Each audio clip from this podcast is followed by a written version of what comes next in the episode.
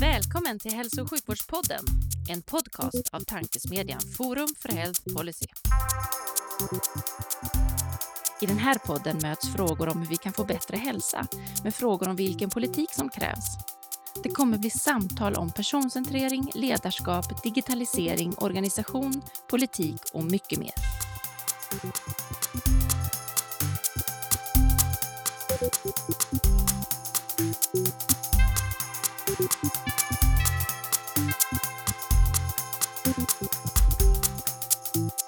Hej och välkomna till Hälso och sjukvårdspodden, en podcast av tankesmedjan Forum för Health Policy.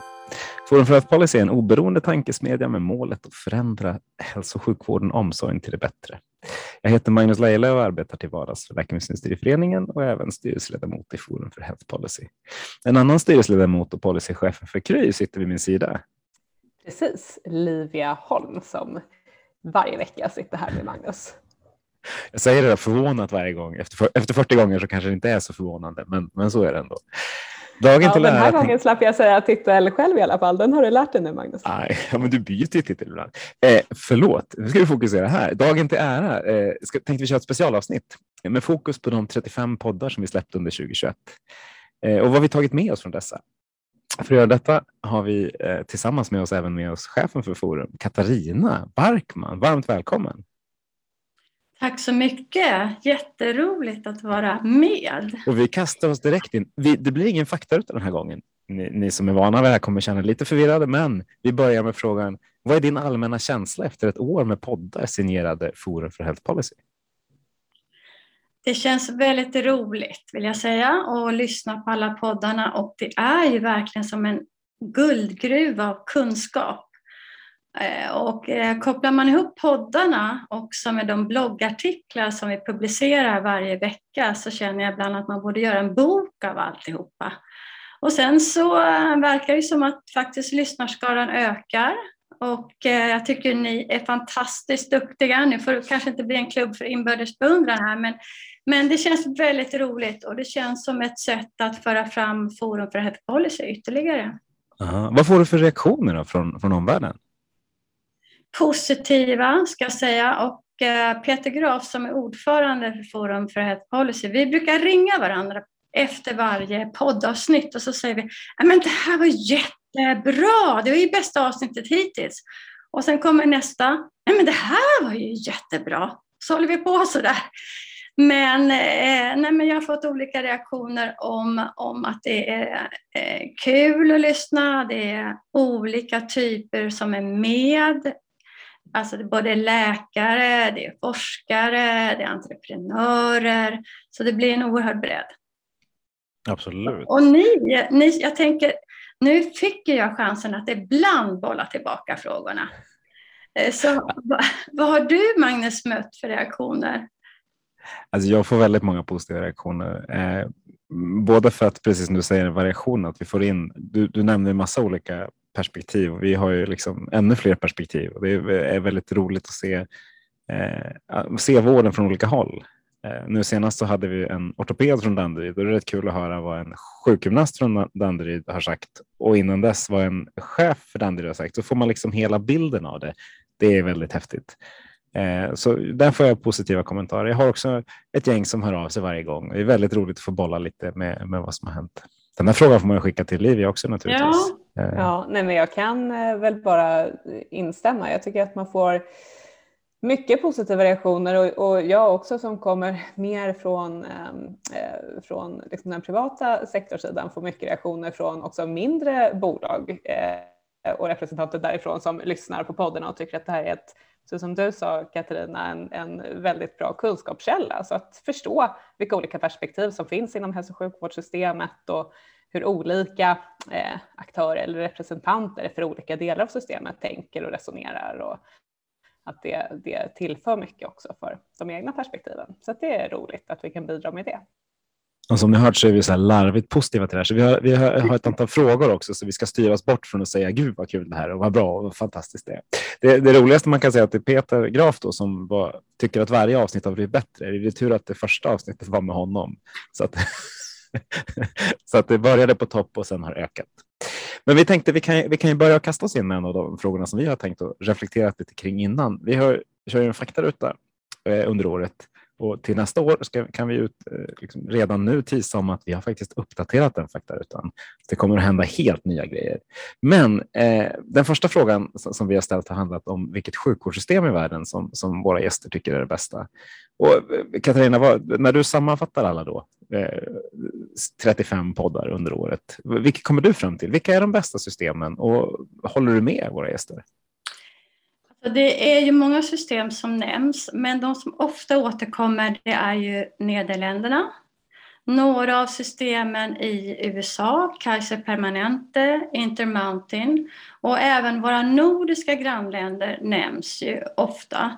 Eh, särskilt när, när det gäller eh, en stärkt primärvård och ha en husläkare som man känner och så vidare. Sen ett mindre system som många svenskar älskar är ju eh, primärvården i Alaska. Det är ofta nämns, eh, där man har primärvård men ett nära en nära samverkan med specialister. Och om jag får kommentera några, jag har faktiskt snabblyssnat på alla poddarna igen. Eh, för att jag blev så sugen att bli påmind om, om vad alla säger här. Och det vi, lär, vi lärde oss av Eva-Karin senast att man kan lyssna med dubbla hastigheter. ja.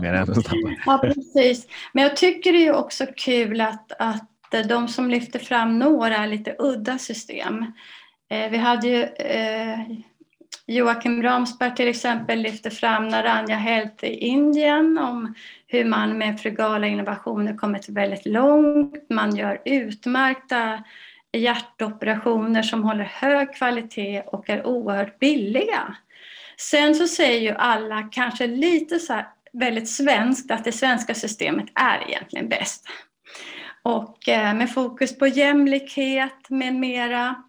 Men vi vet ju också att svenska systemet har eh, en del utmaningar som lyfts fram. Tillgängligheten, primärvården, samordningen. Sen eh, om man tittar på Nederländerna, du frågade om jag håller med. Jag, jag, tycker att de här exemplen är väldigt bra och inspirerande. Jag tycker exemplen i USA, om man tittar på Kaiser, men även Mayo Clinic och Intermountain är väldigt inspirerande för att de använder, har tidigt använt data. De fokuserar ju mycket på hälsoeffekten och förebyggande för att de tjänar på det. Och Mayo Clinic som jag själv besökte för länge sedan, jag besökte de andra också, hade sånt fokus på patienten i centrum. Så alla var liksom uppkopplade kring att prata om patienten i hela vårdkedjan. Sen så tycker jag ju, eh, så att jag tycker de här systemen i USA är kul. Jag tycker det är intressant med Nederländerna som ligger ändå lite bättre till kostnadsmässigt. Och sen har de väldigt höga resultat både på kvalitet och även medarbetare och tillgänglighet med mera. Och sen så kan man ju notera att många lyfter fram Nederländerna. Men de går inte hela vägen för att resonera, är det intressant med deras finansieringssystem? Det noterade jag återigen när jag lyssnade på, på, på poddarna. Och sen en vanlig kommentar ifrån alla nästan är att det finns inga perfekta system. Eller hur? Det finns ingen silver bullet. Och eh, eh, lite grann, det handlar om lite grann vad man, vad man efterfrågar. Men eh, det är väl värt att lyssna på många av dem igen för att det är en stor kunskap om de olika systemen. Sen kommer det upp sådana här utstickare som Taiwan, Eh, jag tror någon hade eh, nej. Sen Tyskland som är lite svårare att bedöma kan jag tycka. Frankrike. Men sammanfattningsvis så säger våra gäster Sverige, Nederländerna, Norden och några stjärnor i, i USA. är min, eh, i min bild. Och vill ni veta vad Katarina själv tyckte eh, och hennes familj, höll jag på att säga, så går det att lyssna på avsnitt nummer 16 där vi kör en regelrätt faktaruta med det. Livia, hur funkar din uppkoppling? Vill du köra, köra nästa fråga?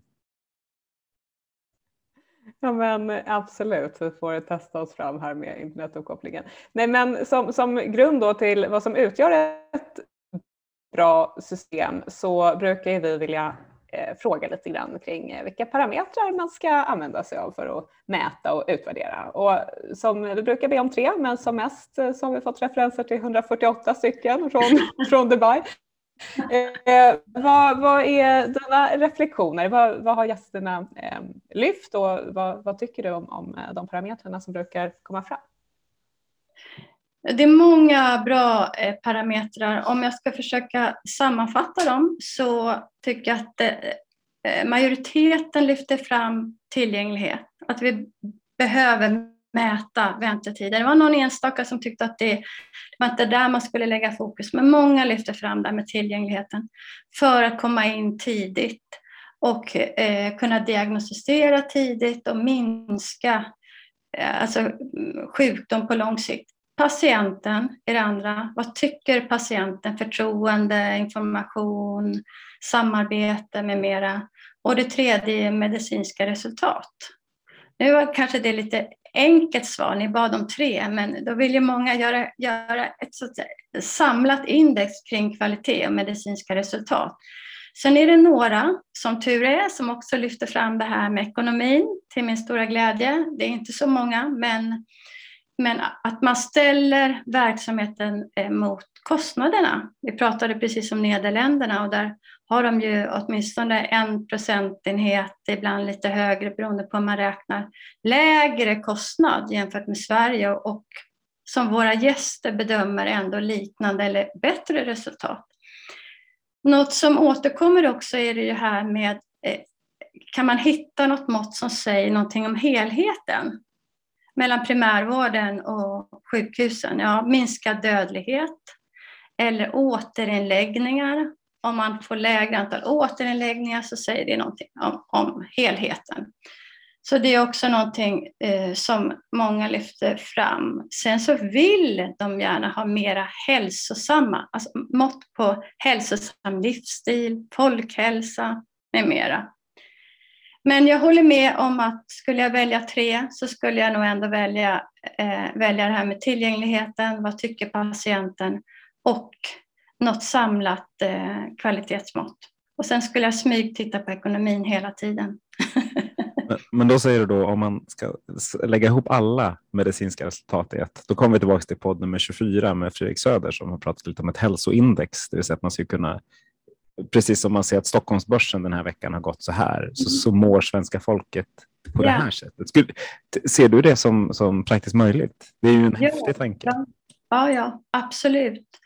Och jag tror faktiskt att det, det finns ett eh, samlat eh, kvalitetsindex, eh, tror jag, eh, som eh, en av KI-forskarna använde när han tittade på produktiviteten. Så att man och jämförde med kvaliteten för akutsjukhus, eh, Claes Renberg för ett antal, många år sedan. Så att det tror jag absolut skulle vara möjligt. Och vi har ju duktiga personer som säkert skulle kunna vikta olika kvalitetsmått. Ja, det är helt övertygad om också. Det här var roligt att se. Det var kul att se att i mm. Stockholm idag mår vi så här. I Linköping däremot, där mår vi så här. Ja, Sen var det ju roligt när Eva-Karin Gidlund som var med i ett avsnitt berättade om, om eh, ett sjukhus eh, i Washington DC som nästan mätte, som hon sa, allt ett system och det skötte sig själv och inte bara medicinska resultat utan även arbetsmiljö, hur trivs du på jobbet och sen de här risken för infektion med mera. Och sen fick hon plötsligt bara ut en en enkel tablå om hur, hur läget ser ut. Och det låter ju för bra för att vara sant. Eh, vi håller på att jobba lite grann med det i Forum för Health Policy också. Precis, men jag håller med. Det var en, både en frisk fläkt som poddgäst men också en väldigt bra, bra tanke och en bra referens. Eh, sen har vi frågat om, om råd Eh, till, till de som utvecklar svensk hälso och sjukvård. Nu är det intressant för alla de 35 gäster vi haft har ju på ett eller annat sätt varit med och utvecklat svensk hälso och sjukvård så man får ge sig själv, liksom, eh, själv ett råd också. Men vilka råd har du, liksom, tycker du har varit de mest konkreta och, och de som vi faktiskt skulle vilja ta med oss in till 2022 här? Mm. Jag tycker det här med dokumentationen är en lågt hängande frukt. Det är flera som tagit upp det här att försöka minska administrationen, ställa lägre krav på dokumentation. Och det eh, gjordes ju under coronapandemin och görs ju kanske. Och där flera har sagt att det har varit underbart att jobba och slippa den där dokumentationen som har tagit så mycket kraft.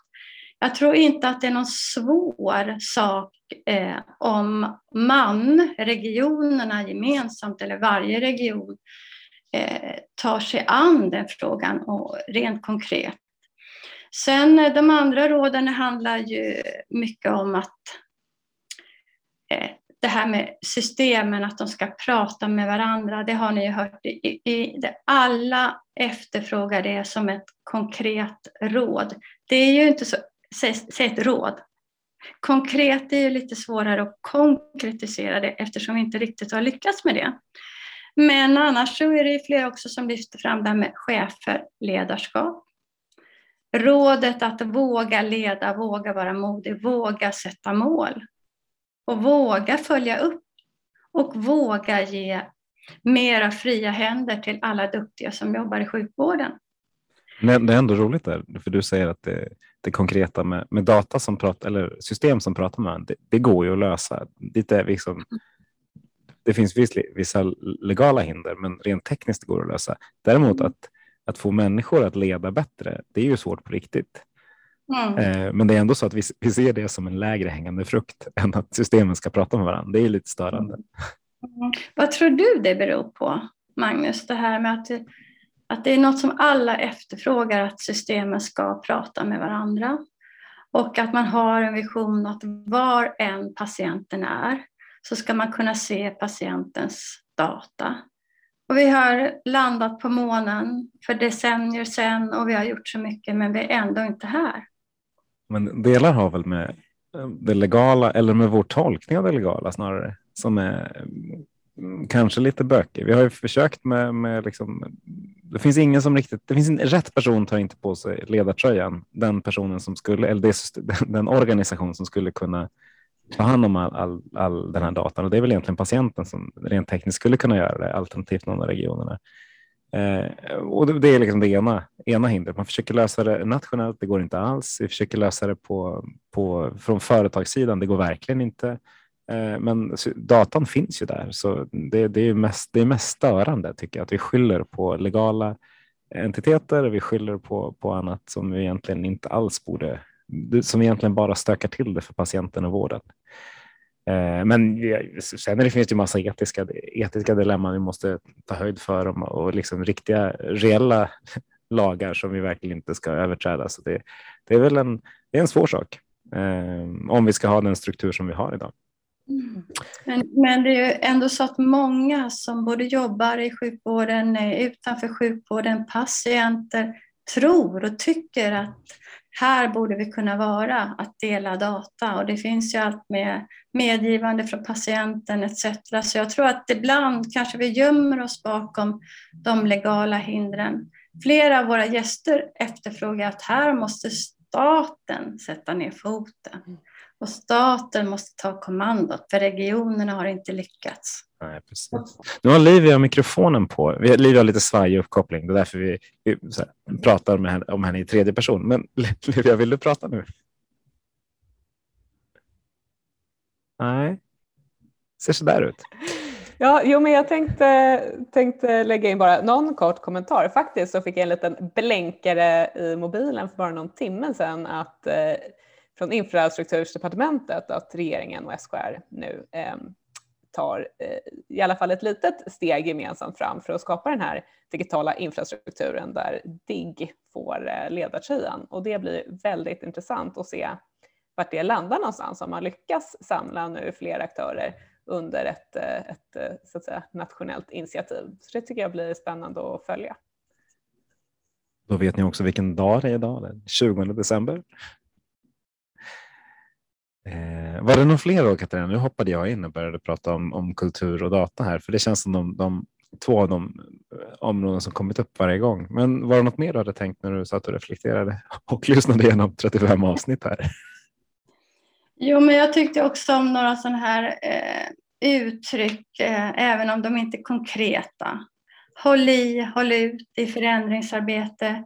Jag tycker mycket om den här ansatsen, alltid lite bättre. Man kan aldrig bli, bli perfekt, utan man ska hela tiden jobba med hur vi kan förbättra varje dag. Så att eh, de här eh, korta uttrycken för ett ständigt förbättringsarbete lockar mig mycket.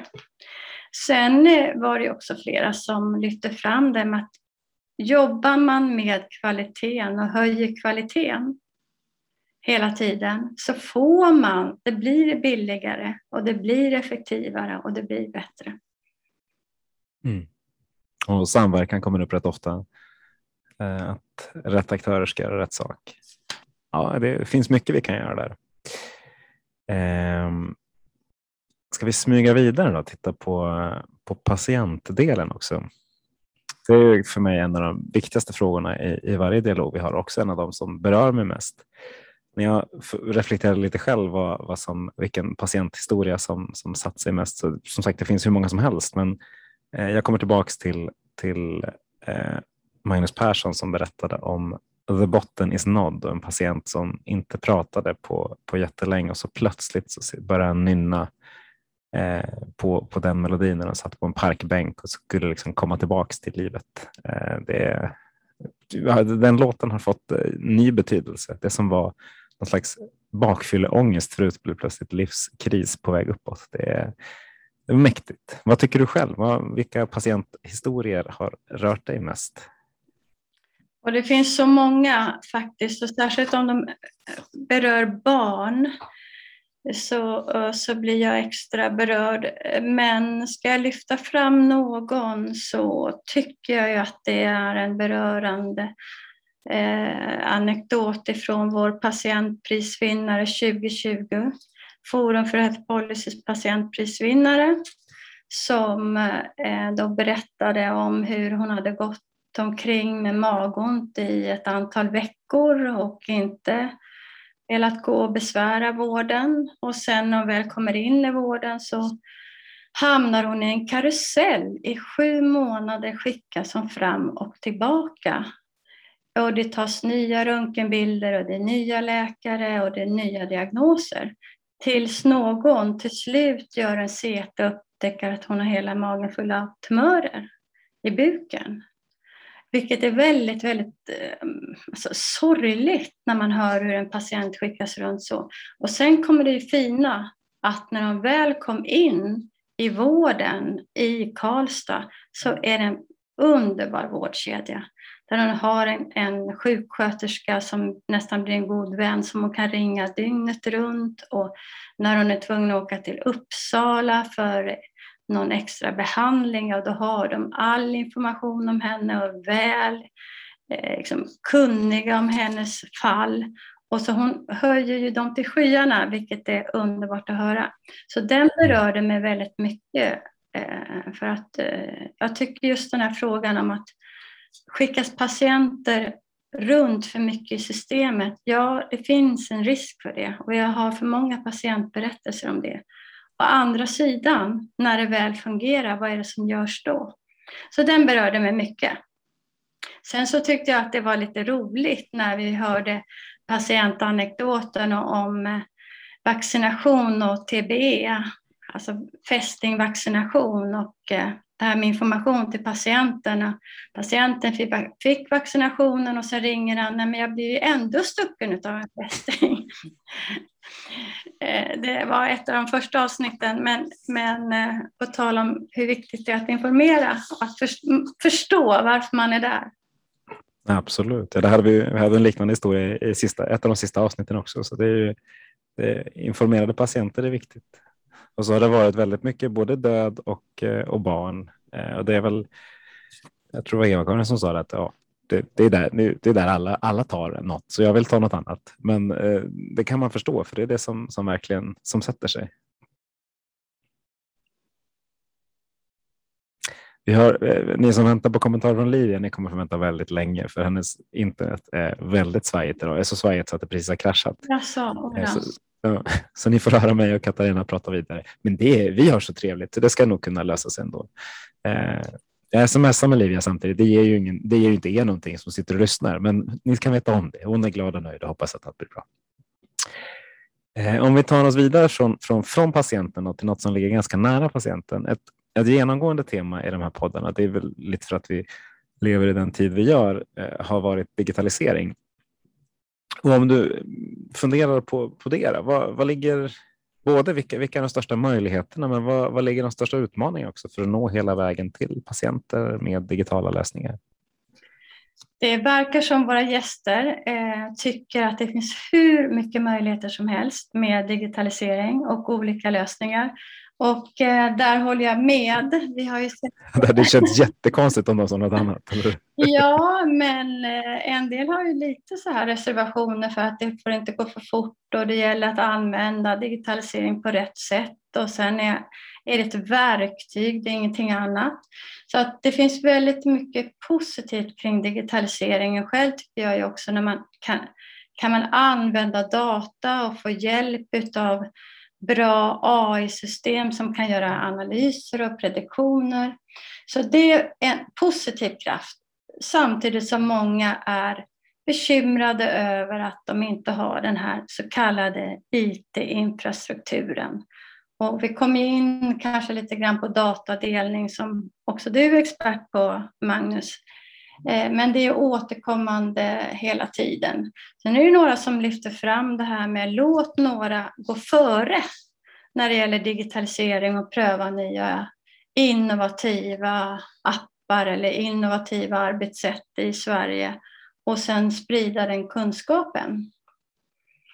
Men som jag ser det, eh, eller när jag lyssnar på poddarna igen, är det ju en del som uttrycker att vi måste vara mer öppna för entreprenörer som kommer in.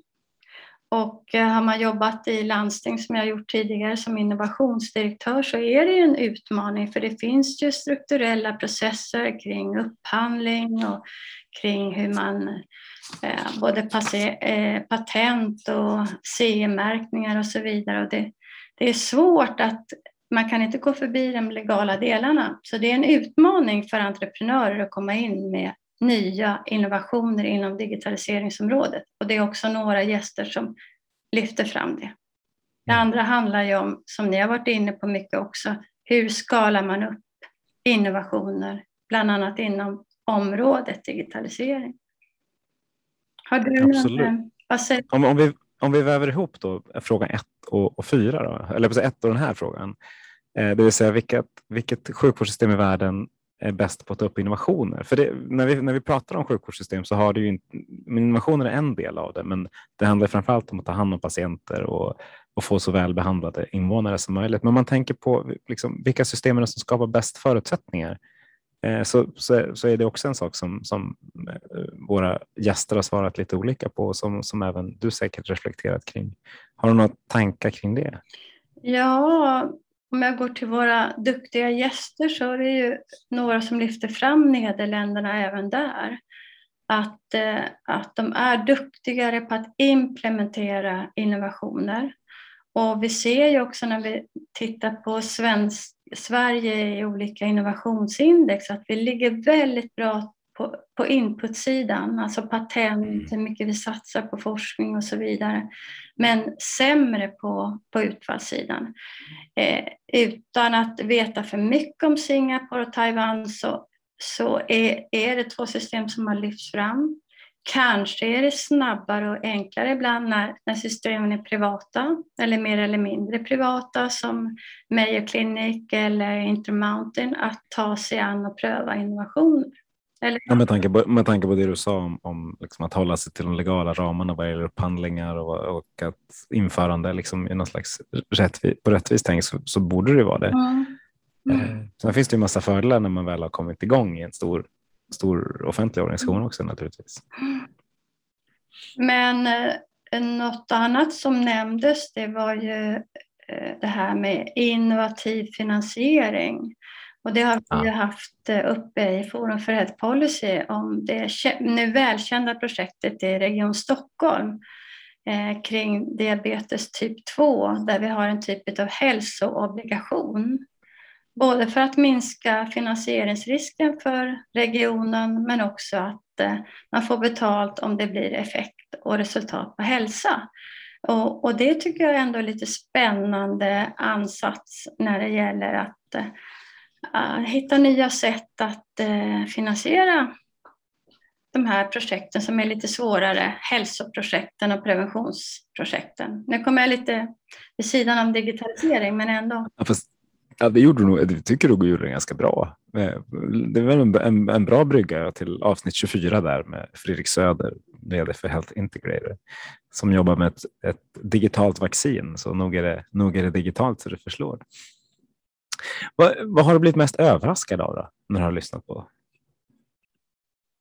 Ja, men jag har nog blivit mest överraskad ändå av de som eh, vågar ta upp lite andra system. Jag tycker det var kul när de nämner Indien. Eh, jag tycker det är kul när de nämner barnsjukhuset i Madrid eller Barcelona om sättet eh, de möblerar barnsjukhuset med rutschkanor istället för trappor och så vidare. Och Eh, så att den här beskrivningen av enstaka sjukhus eller system eh, tycker jag är kul eh, att de tog upp. Sen så eh, jag blev nog inte så jätteförvånad när jag tänker efter på alla. Det, det var ganska mycket konsensus om man tittar på vad våra gäster säger och ganska positiva ja, också. Och, och positiva till svenska sjukvården. Där kanske jag var jag tycker också att vi har, ett vi har en fantastisk vård på många sätt. Sen har vi utmaningar som vi, vi försöker påtala för att bli bättre och få ut mer också för skattepengarna. Kanske blev jag lite förvånad ändå att alla lyfter fram Sverige som ett, som ett av de bästa systemen. Men det, det, ligger bra, det ligger bra till i alla de här rankingarna. Så i, ingen kritik så, men eh, jag trodde kanske att det skulle vara lite tuffare kritik på de utmaningar som vi har. Mm. Jag var, nog, jag var nog mer tvärtom, inte så förvånad över det, men förvånad över att alla var så väldigt positiva. Jag kanske hade trott det skulle vara mer problematiserande. Eh, nu, det var mycket kring datadelning och kring det området, men sen så, i övrigt så finns det en väldigt positiv. Det är skönt att jobba i det, den typen av klimat när det faktiskt är mm. när folk vill förändra saker. Men men det förvånade mig ändå. Var det något som du kände var, var nytt? Som du inte kände igen sedan tidigare eller som du inte alls visste om?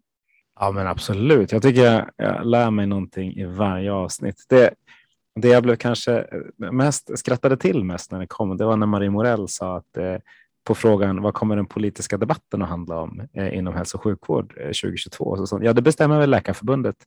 Eh, så det kommer att, vara, det kommer att handla om, om eh, tillgänglighet i vård och så. Här. Men det var roligt, eh, roligt sagt och just kul att säga det i den här typen av forum. Som Tina Crawford sen snappade upp ett par avsnitt senare. Så då, då, man förstår att allting hänger ihop. Eh, nej men annars är det väl eh, den positiva synen på digital vård. När man lyssnar på debatten eh, till och från så finns det ganska mycket negativ, liksom negativ debatt kring det, men om vi lyssnar på våra gäster så är det bara positivt. Eh, sen behöver man naturligtvis liksom se till att få in det i systemet på ett bra sätt, men det är väl en sån sak som, som man kan lägga till. Sen tycker jag också att det är roligt när ni tar in från olika aktörer. Ann Karlsson från Apoteket AB, hon gav ju en helt eh, vad ska jag säga, lite ny bild kring apotekens roll och kan de vara, ha en utökad roll i hälso och sjukvårdssystemet? Och eh, farmaceuterna, apotekarnas kunskap som också Forum för Health Policy, du och jag med flera har, har lyft fram. Och det tycker jag var, var kul att, att få den aspekten med. Sen, som, som apotekare håller jag ju naturligtvis ja, med. Ja, jag förstod väl det. det. Men det ska vi också, vi kanske får bjuda in henne igen här efter, efter nyår när hon blir vd för Systembolaget. Ja, just det. Och se, se hur, hur de kan bidra med folkhälsa utifrån det perspektivet. Just det. Sen blir man ju imponerad av jättemånga av gästerna som är så kunniga. Och, jag minns Anders Blanks avsnitt när han presenterade alla olika sjukvårdssystem nästan i detalj. Och eh, man, bara, man lär sig verkligen på varje avsnitt. Ja, men det får man säga. Och det är väl det som, som lever jag och ser det här som någon slags omvärlds, omvärldsspaning. Så man får en ny, liksom in, både injektion av eh, kunskap men också av energi eh, någon gång i veckan. Det är väldigt roligt. Men för det är väldigt kunniga gäster och det är just att det finns så många som kan hälso och sjukvårdssystemet. Alla säger att jag är inte expert på hälso och sjukvårdssystem och sen kan alla hur mycket som helst om hälso och sjukvårdssystem. Okej, okay, ur, sitt, ur liksom sitt, sin del av det, men det, det är häftigt. Jättehäftigt och alla är jättefina på det sättet. Eh, verkligen. Och säger att de inte kan och sen har de hur mycket som helst att komma med. Precis. Sen var det mycket AI på slutet. Eh, det tror jag det kommer att komma mer av. Eh, men det är väldigt roligt att höra både Marcus Lingman och Max Gordon eh, om hur, hur vi skulle kunna använda det. Mm. För innan har det varit väldigt många som har sagt att ja, men det här det är något vi kommer att använda och så kom huret från både Marcus och Max där man säger mm. men så här, så här skulle man nog kunna göra. Och det var ju väldigt spännande avsnitt de två. Och Marcus Lingman när han berättar hur han verkligen implementerar informationsdriven vård i Region Halland. Och tack vare datan så kan han se både var kostnaden ligger och vad de be behöver fokusera. Nu han pratar ju om deras stroke-process till exempel och hur länge de har jobbat med det. Det är ju yeah, superintressant att lyssna på. Man blir jätteglad. Man tänker så här borde det vara överallt. Precis. Jag var på ett möte på, på slottet i Uppsala då som Björn Arvidsson ordnade Eh, och så gick jag ut och satte mig i bilen och spelade in den här podden. Eh, vilket var lite bara det, så här, sitta i mörkret utanför ett slott och spela in en podd som var så, så fascinerande. Så jag minns den liksom från, från, från olika håll. Ljudet blir väldigt bra i en bil för övrigt när man spelar in. Alltså. Eh, och jag Men, rekommenderar, rekommenderar olika avsnitt förstås hela tiden när jag säger i olika sammanhang. Men ett återkommande det är ju både Marcus Lingman och eh, Max Gordon här Eh, faktiskt som, som tar det här med data och analys och återkoppling in i verksamheten. Precis. Vi, vi, är på väg in i 2022. Vi spelar in det här 20 december, så då är vi faktiskt väldigt nära 2022 skulle man kunna säga. Man, det är ett valår. Eh, och om du får liksom sammanfatta ihop, vad, vilka frågor tror, tycker våra gäster är de viktigaste eh, för valet eh, vad det gäller hälso och sjukvård nästa år? De pratar ju mycket om eh, pandemin. Eh, vad kan vi vänta? Vad händer med pandemin även nu när det är ett eh, valår? Det händer ju mycket också under 2022 och det kan vi återkomma till. Ledningssystemen tror man ju kan bli en valårs, alltså ledningssystemen en valfråga. Eh, med det sagt, alltså hur systemen är organiserade. KD kom mm. ju med den här rapporten, vet du, om hur man, man borde ha ett större ökat nationell, en ökad nationell styrning, mer statlig styrning. Ska det vara mer decentralisering eller mer centralisering? Ja, den där minns man verkligen eftersom vi hade ett bra, bra möte om det med mm. Forum för Health Policy. Mm. Då har man extra bra koll. Sen så eh, finns väl risk för att eh, det blir eh, mycket politiskt poängplockande på en del ytliga frågor i debatten. När man, ju närmare valet man kommer, det vet vi ju. De här frågorna, ska det vara privatvård eller inte? Istället för att fokusera på effekten och styrning och vad vi får ut av systemen. Men även många har ju sagt tillgänglighet till vård som en, som en viktig valfråga. Just det. det blir intressant att se om, det, om den lirar med det du mm. säger nu. Mm. Sen var det ju eh, några som lyfte fram vad de tyvärr inte tror kommer diskuteras, men som de vill ska diskuteras under, under valåret. Och det är ju datainfrastrukturfrågorna. Lite mm. tråkiga politiska frågor, men ändå. Och eh, andra tog ju upp det här med, med att det finns så mycket innovationer som är användbara nu och hur får vi in dem i sjukvården. Men eh, bo, båda de, eller det var kanske tre, fyra eh, stycken, trodde inte det kommer bli valfrågor. För det är inte så lätt att plocka några politiska poäng på det. Man är ju olika. Jag tycker att de där frågorna är jätteroliga. Du kallade dem tråkiga. Jag förstår vad, vad du menade med det, men det är ju så spännande frågor. Eh, särskilt som, precis som du säger, i princip varje podd så har vi pratat datadelning och pratat eh, interoperabilitet. Eh, inte bara för att det är ett svårt ord, men också för att det är en viktig del av framtidens hälso och sjukvård. Men det är som du säger också, tillgängligheten är ju många som tar upp och den här underliggande vårdskulden nu under coronapandemin. Mm. Och tillgängligheten var ju en jättestor fråga även innan coronan. Precis. Sen är det ett gäng, som tar upp prevention också ja, som en sak som borde vara en fråga men mm. som, inte, som man inte heller tror kommer att bli en fråga, mm. en valfråga. Eh, men, ja. Det blir spännande att se faktiskt. Ja, precis. Om vi då tänker 2022, vad, vad kan vi vänta oss av, av 2022? Då tänker jag både utifrån vad tror du kommer hända 2022 och, och vad kommer Forum att göra? För vi har ju förmånen att köra lite, lite intern reklam här när vi, ändå, när vi ändå har dig på tråden. Och jag var tvungen att gå och titta lite grann också på vad det är för stora utredningar som kommer. Det händer mycket under 2022. Det är ett valår.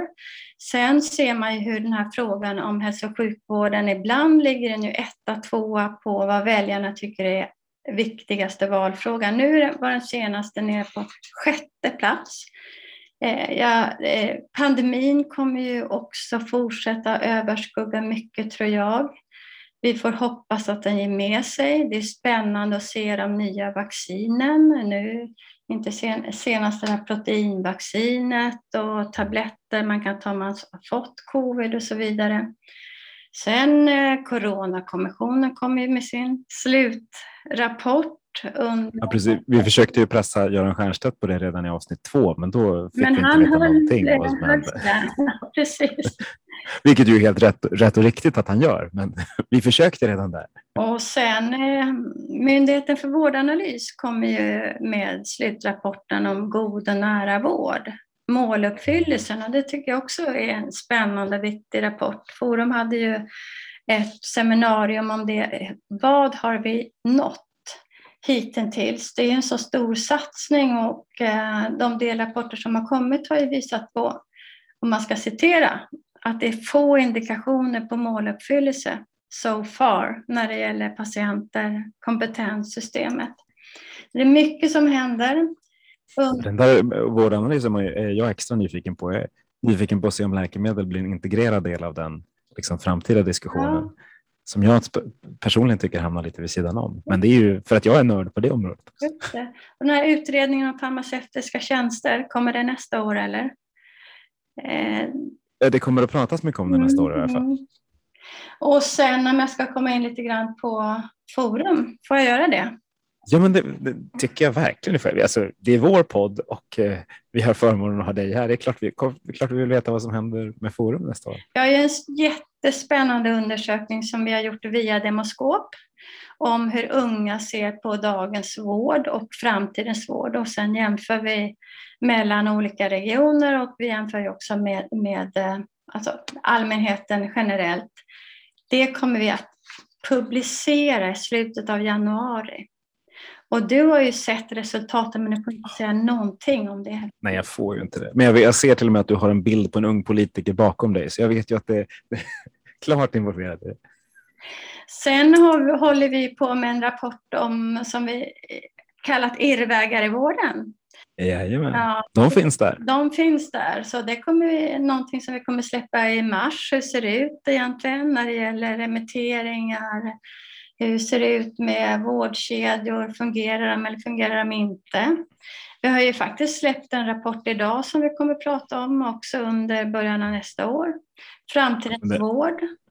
Och den länkar vi säkert till i, i bion här till den här, till den här podden. Ja, det också, måste vi, vi göra. Ja. Där vi kommer med en önskelista ju, vad vi tycker att politikerna borde ta del av. Och där kommer bland annat upp det här med, med säkra upp IT-system som kommunicerar med varandra och eh, hur man skapar förutsättningar för vårdkedjor med mera. Sen är vi med på, vi kommer vara med på Vitalis, Almedalen, vi kommer fortsätta med de här poddavsnitten och vi har jättemånga spännande bloggartiklar på gång. Och vi kommer också hela tiden ta med politikerna i våra dialoger under nästa år. Vi ska ju ordna en valdebatt också kring hälso och sjukvården i augusti. Efter att ha lyssnat på det här samtalet Katarina, ska jag lägga till två punkter som jag tycker vi ska göra nästa år.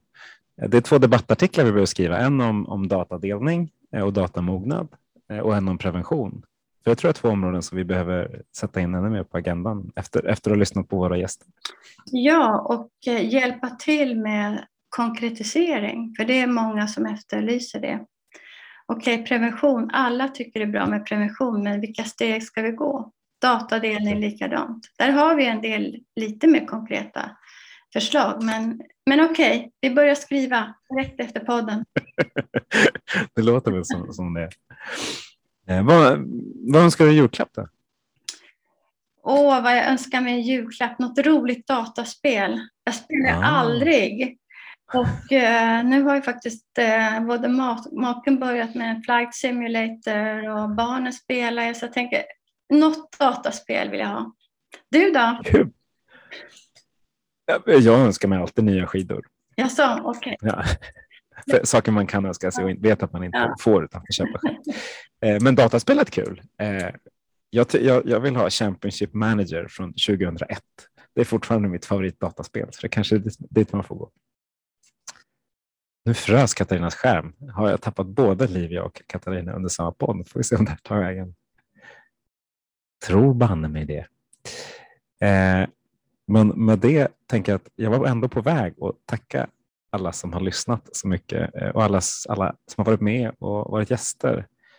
Eh, jag tänkte tacka Livia och Katarina. Eh, nu har jag inte dem att tacka längre, men de kanske lyssnar på det här i, i efterhand.